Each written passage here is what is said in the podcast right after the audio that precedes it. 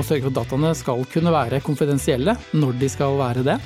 Eh, dataene må ha integritet, altså de må være korrekte. Det er ikke minst viktig i helse. Også, men så må de også kunne være tilgjengelige når de, eh, når de skal være det.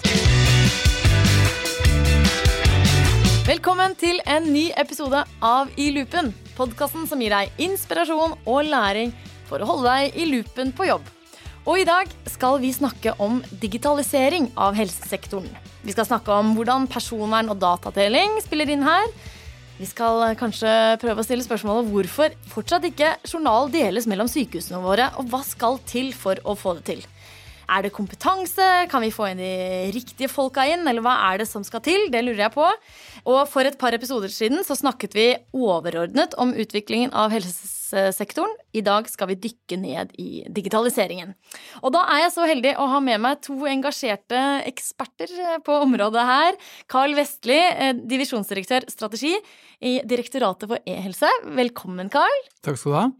Og ved siden av deg sitter Hanne Pernille Gulbrandsen. Du er partner i det som kalles digital law. Jeg vet ikke om det blir digital eh, lov på norsk, eller? Ja, digital juss, for Digital eksempel. Just, selvfølgelig. Eh, og du har jobbet med personvern i 20 år. Eh, hovedfokus på offentlig sektor. Velkommen til deg, Hanne. Tusen takk. Carl, jeg tenkte at eh, kanskje ikke alle lytterne våre kjenner så godt til Direktoratet for e-helse. Det er ikke noe man har kontakt med daglig, i hvert fall. Så kan ikke du gi oss en sånn kjapp liten pitch på hva er det dere gjør? Veldig gjerne. Eh, Direktoratet for e-helse er jo et direktorat, eh, statlig direktorat. Vi eh, hører til i den såkalte helseforvaltningsfamilien. Mm. Eh, Og i den familien der finner du Helsedirektoratet, som veldig mange kjenner, eller alle. Mm. Ja. Folkehelseinstituttet.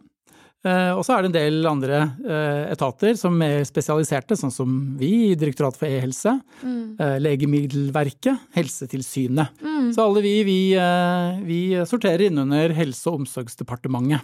Ja, og gjør egentlig det vi får beskjed om av departementet. Ja. ja, men det var fint. Da har vi liksom satt det inn i familiebildet. og, og så pleier jeg ofte å stille eh, gjestene mine spørsmålet liksom, om hva som driver dem, og hva som engasjerer dem i jobben. For da blir vi litt kjent med dere. Så kan vi høre med deg, da, Karl. Hva er det Hvorfor jobber du med det du jobber med? Uh, ja, min, uh, arbeid, min, min karriere, min eh, tid i Ja. arbeidslivet har jo handlet veldig mye om digitalisering. Eh, som sikkert for veldig, veldig mange andre de siste 20 årene, så, så har vi opplevd en rivende utvikling på det området i mange bransjer og mange sektorer.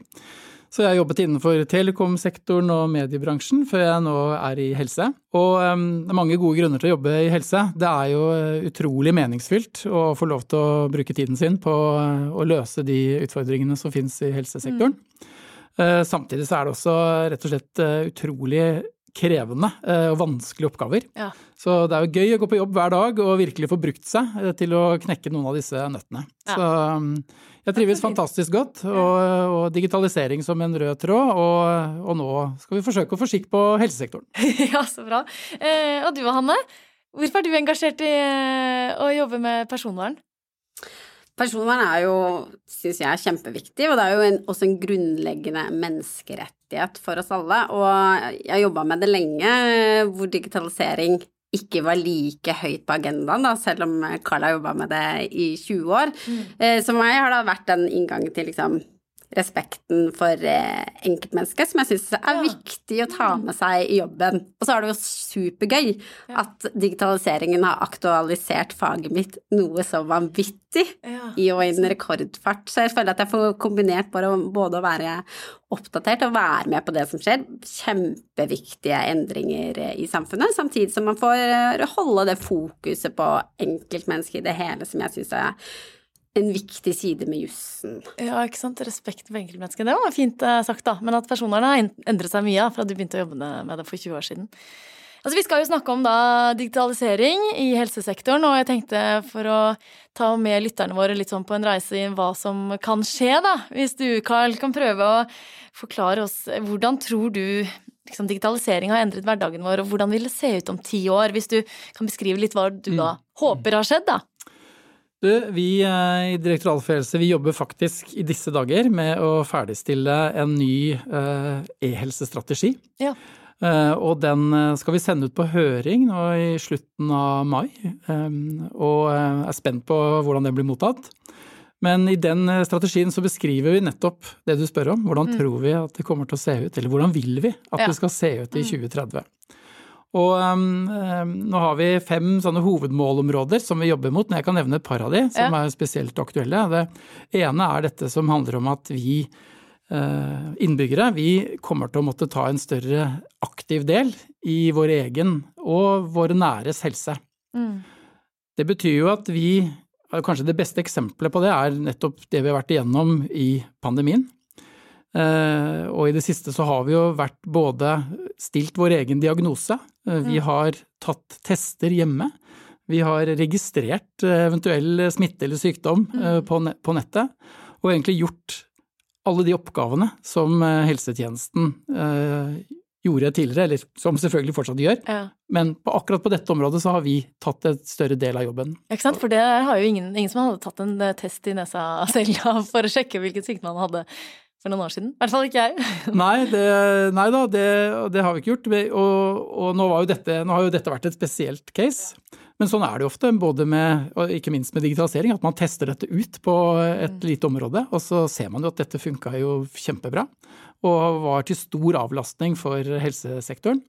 Så vi tror at dette her er en av de virkelig store trendene, og det er en av de tingene vi da konkret jobber med. eh, Å bygge opp verktøy og hjelpemidler for å få fart på den eh, digitaliseringen der. Hva kan det være? Hva er, liksom, er det noen konkrete eksempler du kan nevne der? Nei, altså, jeg tror det, det vi jo nå har sett da, de siste uh, året, er at uh, måten vi som innbyggere har tatt i bruk Helse Norge uh, på, Ja. Mm. er det beste eksempelet. Helse Norge har jo nå så å si alle, er, alle, alle nordmenn er registrert som brukere på Helse Norge, Mm. eh, og det legges jo stadig ut nye tjenester der. Ikke minst så handler det om den dialogen du kan ha med helsepersonellet, eh, f.eks. med fastlegen din. Og der er vi oppe i et eller annet eh, lite sånn dilemma, og det er jo at eh, terskelen for å ta kontakt med helsetjenesten, og f.eks. fastlegen din, blir litt lavere når det bare er å sende en digital melding. Ja. Så det vi jo må passe på, er at vi ikke overbelaster, lager en ytterligere belastning Ja, på, eh, på f.eks. på fastlegen din, Ja. ved at, eh, at du, de får flere oppgaver. Ja, ikke sant. Mm. Så det var den ene delen. Aktiv del i at vi tar den som aktiv del i vår helse, og andre ting. En annen viktig målsetting vi har, det er å rett og slett eh, gi mindre plunder og heft for helsepersonellet. Ja. At de får en enklere arbeidshverdag. Veldig mye tid blir i dag brukt, ikke minst av sykepleiere, til å samle og sammenstille informasjon. Eh, Og det er jo noe vi får veldig mye tilbakemelding på, at dette her eh, tar mye tid, og veldig mye av den arbeidshverdagen brukes til det man opplever som lite verdiskapning. Man ønsker å ha mer tid med pasientene. Og det handler om å få eh, systemer som snakker bedre sammen. Det at eh, informasjonen og dataene er tilgjengelig. eh, Og, og ha eh, journalsystemer rett og slett som, gir, som er bedre arbeidsverktøy for helsepersonellet. Ja, og nettopp, og det var jo nettopp over til deg da, Hanne. For da må vi klare å ta, ivareta personvernet. Hvordan skal vi tenke å gjøre da? Jeg tror det er viktig at man egentlig ikke tenker på personvern som et hinder, men også en mulighet. Og hvis man skal klare det, så må man tenke personvern fra start. Man har jo et begrep nå som er innført i lovgivningen som heter eh, privacy by design på godt norsk, og det tenker jeg er eh, ekstremt viktig å ha med seg i denne digitaliseringsprosessen i helsevesenet. Må Privacy, privacy by design, hvis ikke du hørte det som lytter. Og det, hva, hva, hva mener vi da? Det betyr at det, når du utvikler et system, så har du tenkt på person, personvern fra start, da. Hvis det et, et helt annet eksempel, skal du lage en termokopp, er det innmari dumt at du tenker på at den skal holde på varmen etterpå at du har produsert koppen. Ja, Du gjør det ja. selvfølgelig fra start. Ja, ikke sant? At det er integrert Ja. i, liksom. For da blir det én mye bedre og, fun og mer funksjonelt, og ikke minst ikke like dyrt som hvis du skal putte på personvern etterpå. Mm. Og så Carl snakket jo om dette med tilgjengelighet. Data skal være tilgjengelig, og da tenker jeg det er viktig at tilgjengelighet av data er også et personvernaspekt. Det står også i eh, personvernlovgivningen. Så det er ikke bare taushetsplikt, konfidensialitet, ikke dele, og helsevesenet og bruk av eh, våre personopplysninger i helse, det er kanskje et av de viktigste eksemplene at dette tilgjengelighetsaspektet da, er vesentlig at også systemene skal bygge opp under tilgjengelighet for at man skal kunne eh, få tak i kunnskap og data om deg og meg for å kunne ta riktige avgjørelser, for å kunne gi deg riktig helsehjelp. Så der mm. tenker jeg at det er brobygging mellom digitalisering og personvern også. Ikke sant. Så ok, så man må prøve å få jussen og teknologiutviklingen til å gå litt hånd i hånd eh, mens man lager termokoppen, så tenk på, på det, begge deler. Men ja, hvor, hvordan da? Altså trenger man eh, Trenger man å jobbe annerledes sammen, eller har dere noen tanker rundt det? Ja, vi har mye tanker om dette, for ja. dette er utrolig viktig eh, for oss. Og, eh, personvern og jussen rundt digitalisering innen helse er helt sentralt, som han er inne på. Mm. Og, det er disse uh, hovedbegrepene som, som, vi også refererer til. Dette, nemlig at dataene, vi må sørge for at dataene skal kunne være konfidensielle når de skal være det. Dataene må ha integritet, altså de må være korrekte. Det er ikke minst viktig i helse. Også, men så må de også kunne være tilgjengelige mm. når, de, eh, når, de, skal være det. Så disse liksom, konfidensialitet, integritet og tilgjengelighet, finne den rette balansen mellom disse tre, er utrolig viktig. Konfidensialitet, tilgjengelighet og integritet. Yes. Ja, ikke sant. Mm. Og så er det sånn at uh, når vi jobber med, ser et behov i uh, helse, uh, og begynner å jobbe med om dette skal, kan, kan dette løses, kan, kan digitalisering være et virkemiddel til å hjelpe å løse dette behovet, så eh, før eller siden, eh, nesten uten unntak, så eh, støter vi på en eh, juridisk hindring. Eh, fordi at eh, det er kanskje ikke lov å, å dele denne, denne, dataen. Det er kanskje ikke en hjemmel for å lagre data på denne måten, osv. Mm. Derfor er litt det som Hanne er inne på, ikke bare privacy by design, men at du også begynner å involvere jussen i prosjektene veldig, veldig tidlig for å få avdekket vil vi klare å realisere dette her uten et lovarbeid, eller eh, er, må det til for å løse oppgaven? Og vi vet at det tar tid å endre, endre lovene, men det er ikke umulig. Mm. Og det betyr at dette er en del, de, eh, en del av de tingene vi må være oppmerksom på. For en av de tingene som vel er mye å gjøre på, er jo dette med sant, deling av eh, data, f.eks. mellom sykehus. da, Vi kan snakke litt om det først. Dette med eh, journaler. Og, og i, dere har jo nydelig publisert en, en, rapport om utviklingstrekk. ikke sant? Utviklingstrekkene for 2022 innen e-helse. Et av aspektene som dere kalte der, er å skape en sammenhengende omsorgssektor. Og for et par episoder siden så hadde vi jo da direktør for Diakonhjemmet sykehus, Anders Moen Frafjord, i podkasten, og, og, han snakket litt om det at altså, innbyggerne vil jo at sykehusene skal vite hva som har skjedd med meg før, og, og, og innbyggerne vil ha det, og vi må over denne dørstokken for å få det til. Og da liksom ble jeg spurt av han ok, du må ta med dette spørsmålet inn og snakke om det her. Hva skal til for at vi får det til?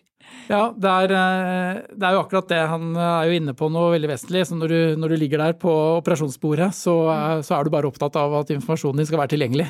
Må du, da må legen og, og, sykepleierne vite hva de skal gjøre, og, mm. og, og kjenne, til, kjenne til, din historikk, ikke sant. Ja, ja. Og, det er jo helt eh, kjernen ved, eh, ved en del av utfordringen vår. Altså, helse er jo sånn Det er en samhandlingssport i praksis. Altså, mm det er ikke sånn i dag at det er ikke en, en one shop one stop shop. Eh, at du får det du trenger hos fastlegen. Fastlegen kan ikke gjøre alt. Eh, må, man må bruke spesialister, og man har et pasientforløp hvor man er innom veldig mange. Mm. Det starter kanskje hos fastlegen, og så går du til sykehuset, og så skal du kanskje tilbake igjen til fastlegen eller til på rehabilitering senere. Så mm. veldig mange er involvert i ditt behandlingsforløp. Mm. Og det er jo det, dette som jo har vært i mange år liksom skrekkhistoriene for mange pasienter, at de føler at de må ta med sin egen informasjon underveis. Mm. Um, og det er jo for det riktig at dataen skal følge pasienten, men ikke fysisk. Uh, ja. Uh, du skal slippe å bære med deg de dataene. De dataene skal være tilgjengelige. Mm. Og, da, uh, og, da, er det disse uh, samhandlingsutfordringene som vi har. Og samhandlingsutfordringen er ikke bare teknisk. Det handler Nei. ikke bare om å lage løsninger som, som kommuniserer. Eh, som vi nettopp var inne på, det handler om også å ha få til den juridiske samhandlingen. Mm. Det handler om dataene i seg selv. Eh, er de, snakker de sammen? Vi snakker om den semantiske samhandlingen. Mm. Og det siste området som vi snakker om, er den organisatoriske samhandlingen, er prosessene eh, tilpasset, slik at det faktisk er mulig for den ene å jobbe videre på de dataene som lå tilgjengelig. Mm. Så hele dette rammeverket, som vi kaller det for, det samhandlingsrammeverket, handler om at alle disse tingene må spilles sammen. Ja. Det er masse deling av informasjon i dag. Ja. Det går eh, masse meldinger, eh, eksempelvis, ja. Eh, mellom forskjellige virksomheter og nivåer i helsesektoren. Mm. Nesten en million meldinger om dagen mm. som går på kryss og tvers av helsesektoren. Så der er det skjedd masse. Nå deles det mye informasjon. Ehm, det, kan deles dokumenter, kan deles innad i virksomheter og i en viss grad på tvers av, virksomheter. Det er ikke faks lenger? Eller noen steder, kanskje. Det er fortsatt noen steder det er faks. Ja, ja. Men det skjer, det, skjer veldig, det skjer, noe her hele tiden. Mm. Vi, et, et, veldig uh, viktig område som jeg har veldig lyst til å nevne, det er det som handler om medisinområdet og legemidler. Ja, det, er, det er jo der veldig mange opplever at det største behovet nå er dette at man mangler en felles oversikt over hvilke legemidler en pasient går på. Får, ja. får, du inn en bevisstløs eh, pasient eh, på akutten, um, kanskje du kan identifisere vedkommende, men du vet ikke om vedkommende ah, uh, hvilke medisiner sånn, ja. uh, har denne personen tatt, eller uh, sånn. osv. Ja, ikke sant. Fordi jeg er jo veldig fornøyd med at jeg nå kan se mine digitale resepter, og at det, det, går jo veldig smertefritt i dag. Veldig mye bedre enn det gjorde for noen år siden, men jeg har ikke tenkt på den delen her. Og jeg er jo også veldig fornøyd med det. Så jeg er jo også forbruker oppi det hele, og jeg, jeg tenker at dette med at man skal kunne få se, eller at man skal ha tilgang til medisinbruk på tvers, det er jo ekstremt ekstremt viktig, og da kan man jo kanskje bygge ut det rettslige grunnlaget man har da på denne kjernejournalen, ikke sant. Det er jo noe informasjon mm. som er mye mer livsviktig at kan være tilgjengelig enkelt, litt uavhengig hvor i helsevesenet du ender, mm. enn andre ting. Eh, og for vi må også ha med oss, tenker jeg, i denne rivende utviklingen det, eh, ikke sant, Hippokrates ed, Eh, man skal holde, holde, din helse konfidensielt, og du skal ikke fortelle det om eh, til noen andre. For helsevesenet er jo også ekstremt avhengig av tillit. Du skal jo kunne tørre å gå til legen din med alt. Mm. Eh, og det tror jeg er mulig å få til i den digitale verden, men vi må ikke glemme det. Fordi vi tenker vi ønsker alle så Vi lever i en så smart hverdag. Mm. Vi vil ha det så enkelt. Eh, så glemmer vi som forbrukere og pasienter vi glemmer litt eget personvern. Du ser, vi er jo ikke opptatt av det, vi gir det til alle de store kommersielle aktørene. Mm. Men da er det jo myndigheter som må passe på at det ikke blir helt borte. Men jeg tror det kan gå stort sett hånd i hånd, og så er det kanskje noe vi må akseptere at vi ikke oppnår, da. Mm. Det å, å, dele denne type informasjon var ikke lov tidligere. Nei. Og så fikk man en lovendring som gjorde at det kan man nå gjøre. Ja. Og det betyr at nå er vi i stand til å, å prøve ut uh, Vi har begynt utprøving av det vi kaller for pasientens legemiddelliste. Mm. Uh, og det er uh, egentlig et slags sånn stafettprinsipp hvor du som behandlende lege overtar pasientens legemiddeloversikt fra forrige behandler. Ja. Og så gjør man da oppdateringer etter hvert som man da forskriver eller gir nye medisiner til pasienten. Mm. Og så eh, går denne listen videre til, til neste behandler som, som, eh, som, behandler pasienten. Så denne type stafettprinsipp hvor man eh, har ansvaret for dataene når man mm. har et, et, behandler en gitt pasient, det tror jeg vi kommer til å se mer av. Og dette er jo en, et, en virkelig, virkelig stor milepæl i, eh, i digital, både i digitalisering i helse og i pasientbehandlingen. Så eh, utprøving er i gang i Bergen, og den har vi store, store forhåpninger til eh, skal spre seg videre. Men hvis vi skal følge det eksempelet som du nevnte i stad, med denne bevisstløse personen som skal opereres, som kommer inn, så klarer man kanskje å finne et bankkort da, i lommeboka, og så finner man hvem det er. Da, hvordan finner de da denne medikamentlisten, da? Ja, sånn som det er i dag, så, ja. så ville man hatt veldig problemer med å finne en oppdatert medikamentliste. Ja. For det vil kanskje ligge Du har kanskje hatt noen e-resepter som, som, ligger der, men ja. eh, kanskje har du ikke tatt alle, eller kanskje begynte du aldri på den medisinen. Um, og så ligger det noe uh, Altså informasjonen ligger rett og slett spredt rundt omkring. Noe hos fastlegen, noe hos uh... og, og, og, og helsepersonellet måtte i tilfelle ha brukt mye tid på uh, å, som de kaller, sammenstille den informasjonen. Ja.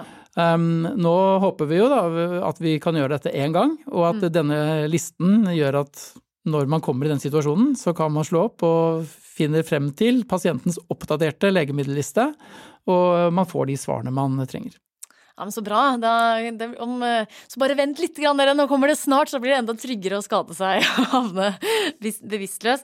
Um, altså, vi, eh, Hanne, vi snakket om litt sånn i forkant her, og liksom hva uh, Dette her med startups, for eksempel. Altså, vi snakker jo om digitalisering, det er jo innovasjon.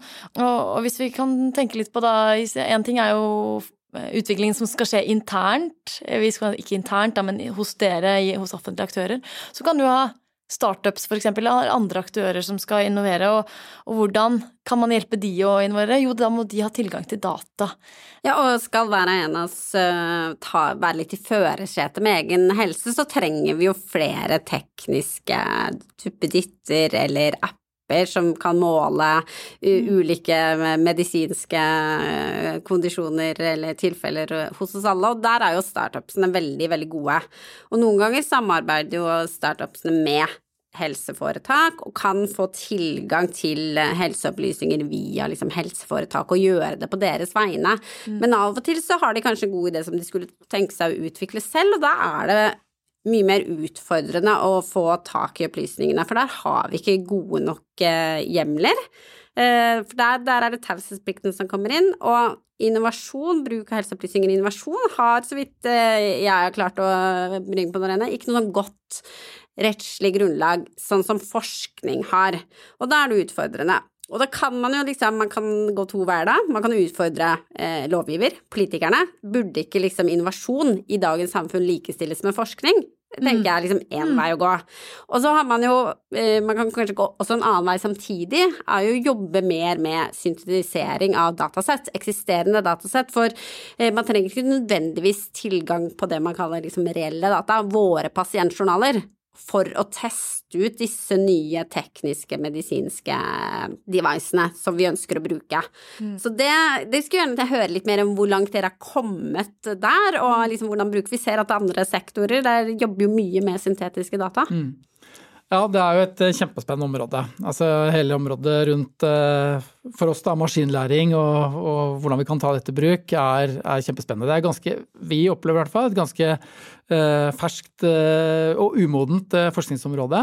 Mm. Um, og det er klart at skal vi bruke syntetiske data til å lære opp algoritmer eller utvikle produkter, så er det viktig at de syntetiske dataene har de altså de samme egenskapene som eh, ekte data ville hatt. Så, eh, så, der er vi liksom i startgropen, um, og vi vil helt sikkert komme dit at vi vil bruke syntetiske data også til å gjøre nettopp de oppgavene. Men eh, det er tidlig ennå.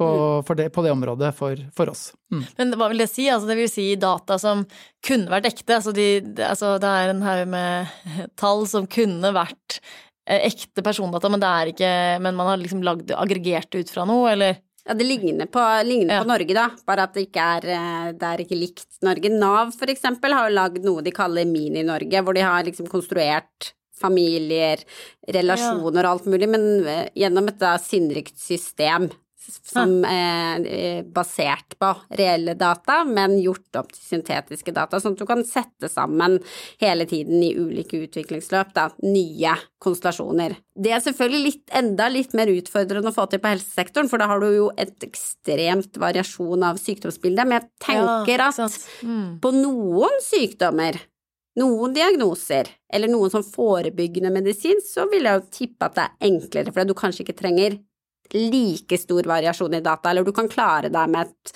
eh, datasett som går over en tidsperiode på fem år, og så gir det stor nok variasjon. Eller kanskje vi må samarbeide på tvers av Norden, for det vi er ikke så mange mm. Mm. i disse landene.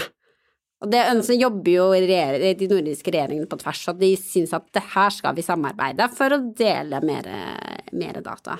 Er det noen eksempler på enten teknologier eller startups eller annen utvikling man prøver å få til hvor det hadde vært nyttig? Innenfor området maskinlæring, da, eller kunstig intelligens, vi, mm. begynner vi å få mange eksempler innen helse.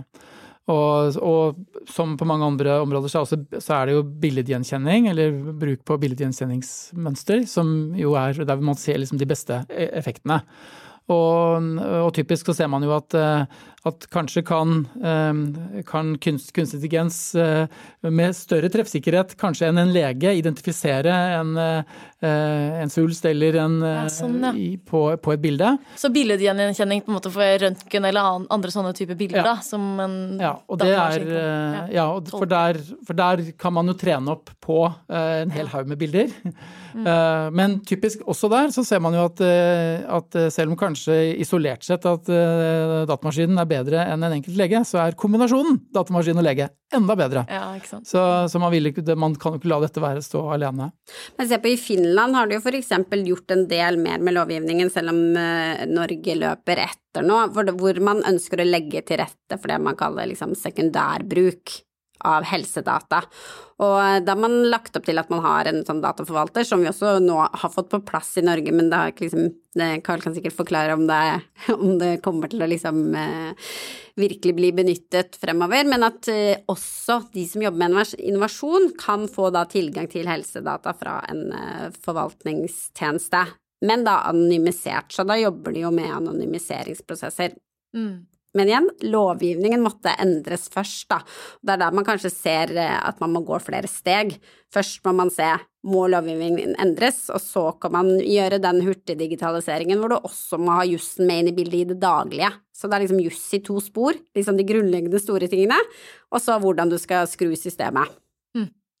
Hvis du er forsker i dag og ønsker å eh, sammenstille data fra, fra forskjellige helseregistre, og der er Norge Eh, nesten i særklasse i verden, for vi har vært veldig flinke til å samle inn data i forskjellige helseregistre over flere tiår. Eh, sånn at muligheten for, å, for en forsker eh, ved å, ved å, sammenstille en del av dataene på tvers av disse registrene, kan gi gode forskningsresultater. Litt av utfordringen er at det tar ganske lang tid å, å samle disse dataene og få lov til å samle de inn og så sammenstille de.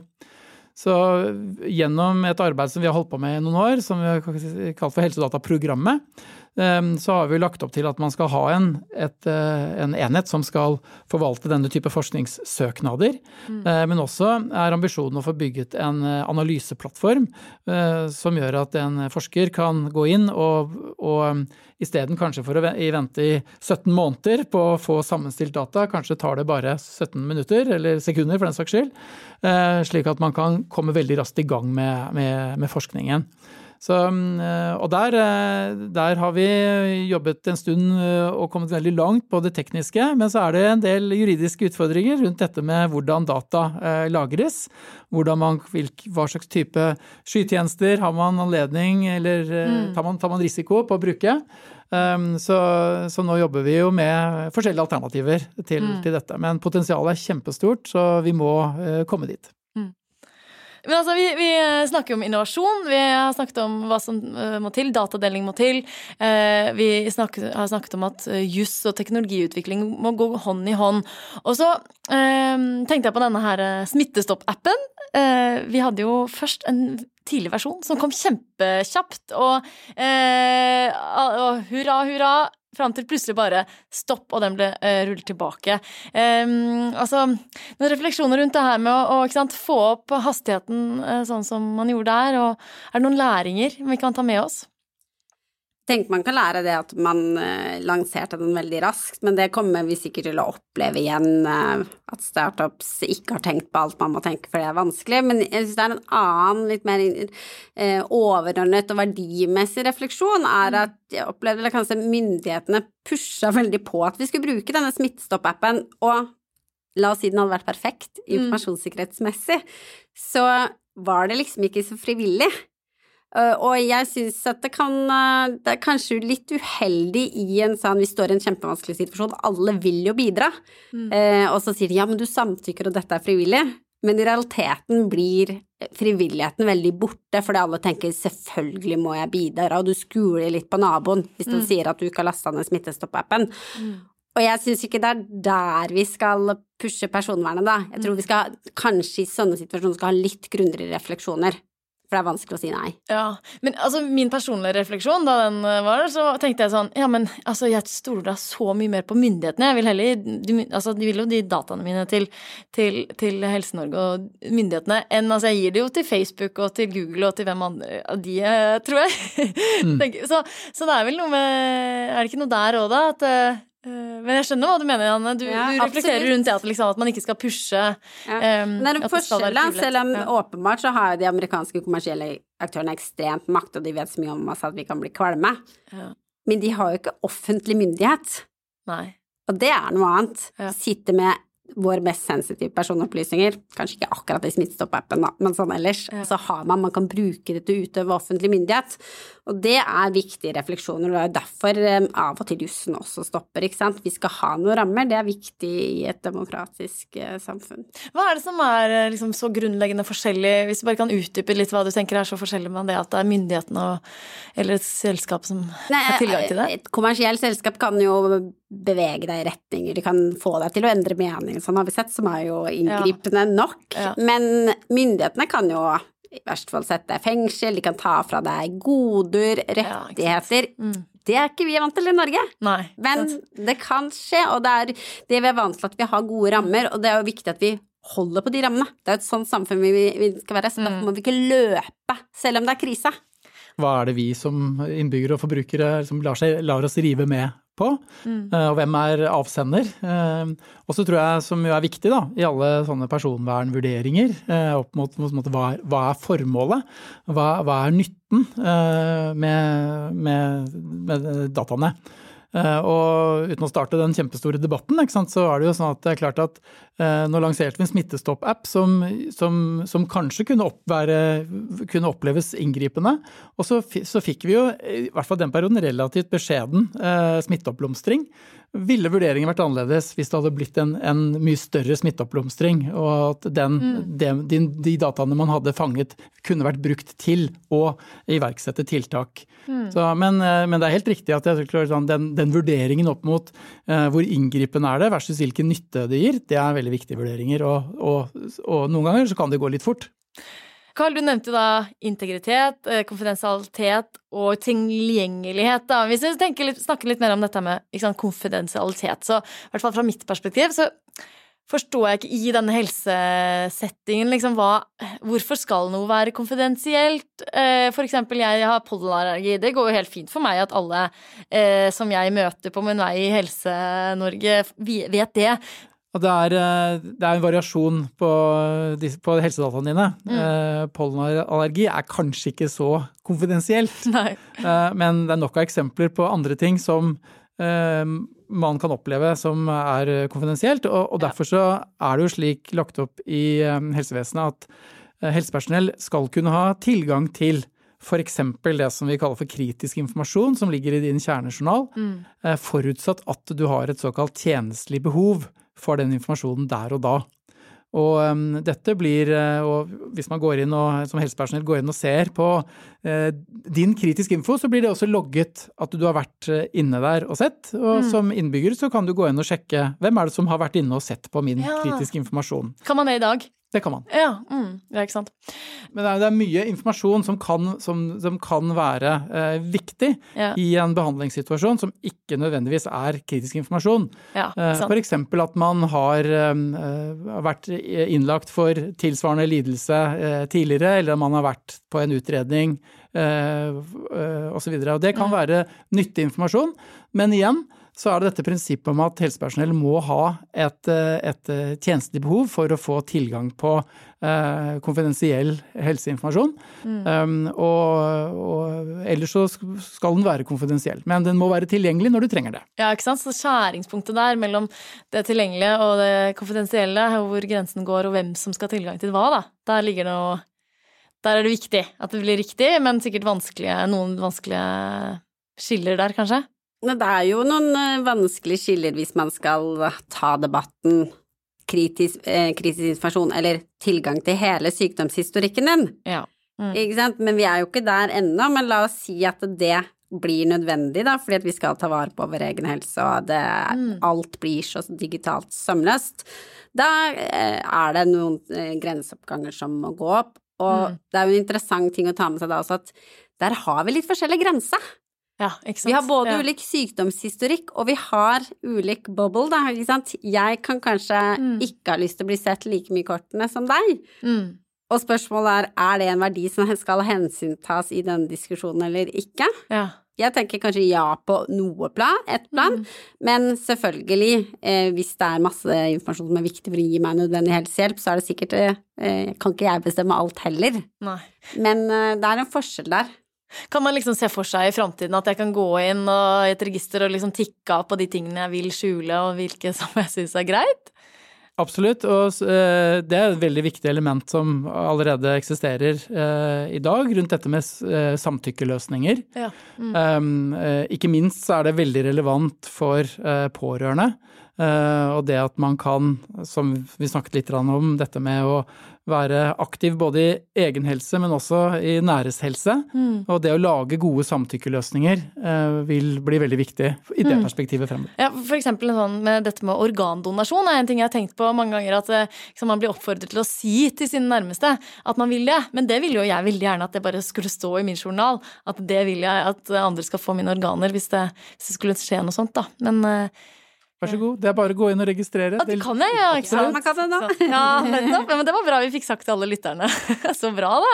Men dere hadde mm, Karl, du nevnte f før vi spilte ned at dere har en innovasjons innovasjonsmelding, var det den het? Som dere kom med i fjor? Nei, Ja, vi hadde en, eh, vi hadde en, eh, en rapport som, eh, som egentlig tok for seg hvordan, hvordan kan man, eh, hvordan kan man bruke, få enda bedre nytte av helsenæringen inn i, i eh, digitaliseringen av helse. Hvordan kan, vi bruke, hvordan kan vi få til enda bedre relasjoner rett og slett mellom helsevirksomhetene og, og helsenæringen. Og tok for oss en del av de, en del av de barrierene da, som vi for mange uh, i helsenæringen opplever at, at det er. Eh, Vi ser jo f.eks. at vi er vel ganske gode til å starte uh, piloter og, og prøve ut nye ting, men så sliter veldig mange aktører med å klare å få til, eh, få til en, en skalering som gjør at vi får, får lønnsomme, lønnsomme produkter. Ikke fordi de er dårlige, men kanskje fordi litt av strukturene ikke er, eh, ikke er gode nok.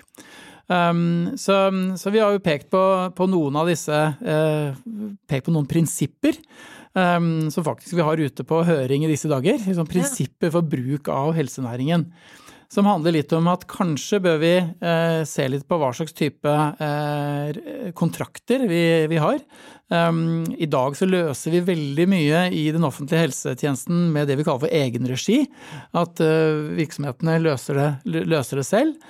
Um, og, og kanskje kan man, er det et potensial å slippe til helsenæringen i større grad. Men det krever en stor grad av tillit mellom aktørene.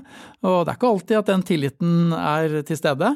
Eh, Så vi har en del eh, prinsipper som vi foreslår å, jobbe videre med, som, kan eh, bedre dette her, da. Så det oppfordrer jeg alle helsenæringen til å sette seg litt inn i hva vi foreslår, og komme med kommentarer og innspill. Ja, altså Når dere sender ut noe sånt på høring, jeg bare lurer på hvordan er det man da gir innspill, og hvor er det folk kan se det? Kan Ja. alle, alle mulige se det? Absolutt. Ja. Alt, eh, alt ligger åpent på ehelse.no. Ja. Um, og der um, legger vi ut uh, Der ligger det ute masse rapporter og dokumenter, eh, for den saks skyld. Så det er alltid fint å gå inn og, i hvert fall hvis du er aktør innenfor helsenæringen, og, og på en måte vite hva det egentlig de mener, eh, og hva er planene til Mm. offentlige myndigheter. Eh, Men der legger vi også ut eh, høringsdokumenter. Um, Og da kan man gå inn og lese hva er det som blir foreslått. Og gruble på hva mener man om dette her, og, og, og svare, og for så vidt se hva andre har svart også. Eh, dere, Vi må begynne å runde av. En episode går kjapt. Jeg hadde lyst til å høre med dere sånn avslutningsvis. Eh, hva er det dere tenker at lytterne burde sitte igjen med etter å ha hørt episoden i dag? For oss i hvert fall så opplever vi at, eh, at eh, det at vi lykkes med en del av de digitaliseringstiltakene innenfor e-helse er, ja, det er, det er nesten livsviktig. Um, vi har en demografisk utvikling i Norge som, som dere har snakket om i, på en i tidligere podkast, som, som sier at vi blir eh, eldre, lever lenger og lever lenger med kroniske sykdommer. Eh, og, um, og vi klarer rett og slett ikke å skalere uh, helsevesenet godt nok til å møte det behovet. Um, og Derfor så er digitalisering en del av løsningen, uh, og, og det haster. Så, um, så det håper jeg man sitter igjen med, at dette er et viktig område som, som både må få eh, ressurser og kompetanse. Og så um, at dette med digitalisering, det handler om samarbeid. Og det er litt av det som er grunnen til at vi i Direktoratet for e-helse fins, det er å sørge for at vi trekker mest mulig i samme retning. Ja, ikke sant. Så bra. Du, Hanne?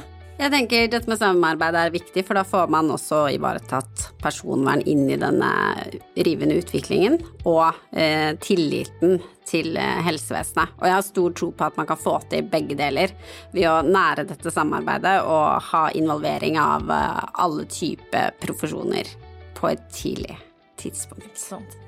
Eh, nei, men Tusen takk, eh, både Carl og Hanne, for at dere var med i dag. Eh, til deg som lytter, syns du dette var interessant, så tips gjerne noen du kjenner. Og skriv til oss hvis du har ris, ros eller eh, innspill. Kan du skrive til oss på Instagram eller Facebook på, til Deloitte Norge. Så eh, tusen takk, eh, Carl og Hanne. Og til deg som lytter, vi høres.